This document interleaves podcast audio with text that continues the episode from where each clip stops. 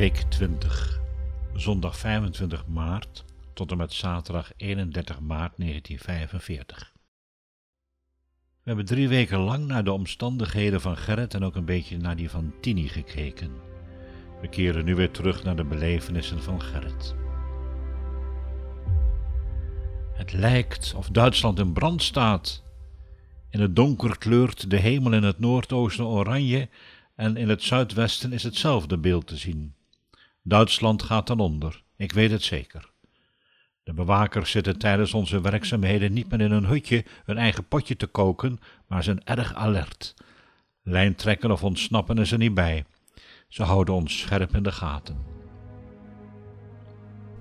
Er is beweging in het kamp waar ik verblijf. Barakken worden ontruimd. Het zijn de Russen die vertrekken uit ons kamp. De Duitsers bereiden zich voor op terugtrekking. Niet alleen de Duitsers trekken zich terug, maar de dwangarbeiders moeten mee. Na het appel worden de Russische dwangarbeiders onder veel geschreeuw van de Duitsers afgemarcheerd. En niemand weet waar naartoe. Misschien gaan ze hun dood tegemoet. Wij, de achterblijvers, worden afgemarcheerd naar onze werkplek in het bos. Nu de Duitsers aan de verliezende hand zijn, ja, ik weet het zeker, waarom moeten wij dan nog hout kappen? Het is nutteloos wat ik doe. De Duitsers denken er blijkbaar anders over. We worden elke dag opgezweept om ons werk te doen. Het is de week waarin Goede Vrijdag valt. Stille week noemen we dat. Stille week in een dwangarbeiderskamp in Duitsland? Vergeet het maar. In de verte gerommel van bombardementen schreeuwen de Duitsers, schelden de Fransen. De stilte is ver te zoeken.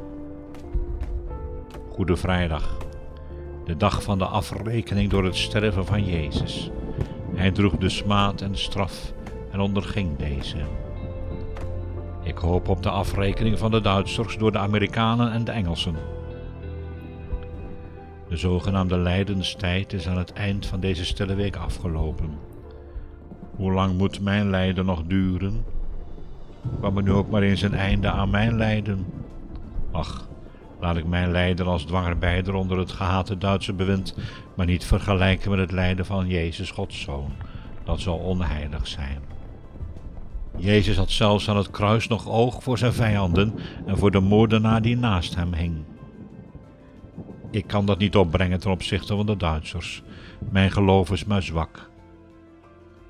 Stille zaterdag volgt op de Goede Vrijdag. Het is deze zaterdag inderdaad stil in ons kamp. Is dit de stilte voor de storm? Wanneer barst de storm echt los? Vandaag gebeurt er niets bijzonders. Geen afmars van dwangarbeiders naar elders. We zitten redelijk dicht bij de Nederlandse grens, zo vermoed ik. Maar trekken ook wij straks naar het oosten, verder weg van Nederland? Enkele barakken staan al leeg. Onze barak zal spoedig zeker ontruimd worden.